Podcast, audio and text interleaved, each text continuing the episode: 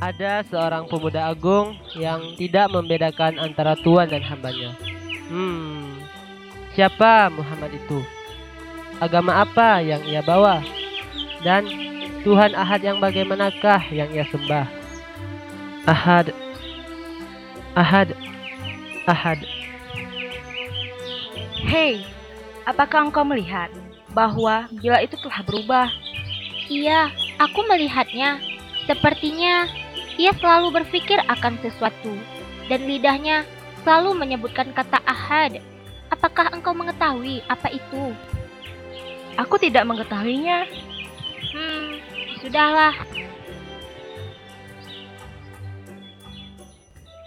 Wahai Bilal, ini segenggam kurma sebagai upahmu, dan engkau akan mendapatkannya lagi setelah senja nanti.